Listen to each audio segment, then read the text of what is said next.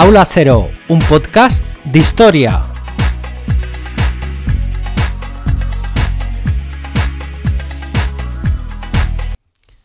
Hola, benvinguts i benvingudes a un nou episodi d'Aula Cero.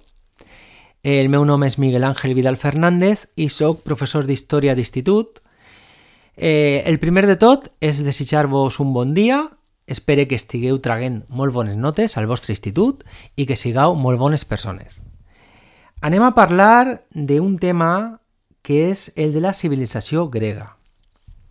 Ja sabeu que n'hi havien sorgit ja dues civilitzacions. Una, la civilització mesopotàmica i una altra era la civilització egípcia.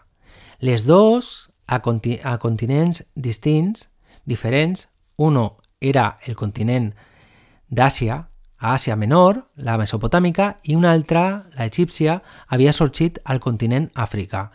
Per primera volta, per primera vegada, va aparèixer una civilització al nostre continent, al continent europeu.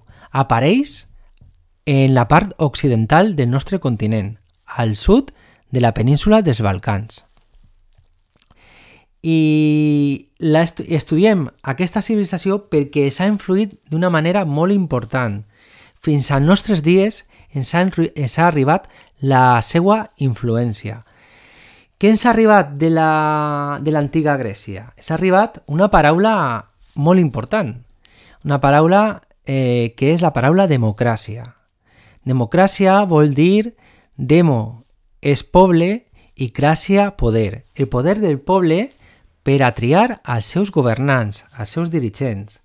Ens ha arribat la ciència, ens ha arribat l'art, ens ha arribat la història, les matemàtiques, la filosofia, medicina, la cultura, el teatre, els Jocs Olímpics... Tot això ens ha arribat de l'antiga Grècia. Anem ara a parlar d'un punt que s'anomena els antics grecs on i quan van viure.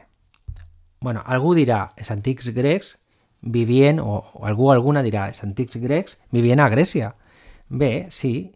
El que passa és que els grecs no li deien Grècia al seu territori, li deien l'Èlade, que significava territori dels grecs. La civilització grega, com hem dit, va sorgir a l'extrem oriental del mar Mediterrani.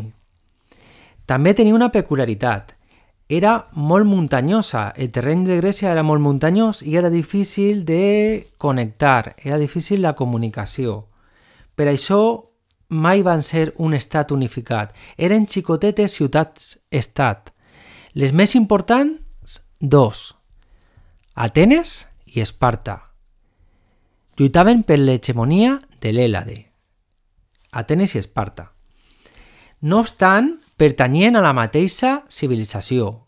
I parlem de civilització quan tenen unes mateixes costums, unes mateixes tradicions, parlen la mateixa llengua o adoren a les mateixes divinitats, als mateixos déus. I també, per acabar, les terres gregues eren poc productives.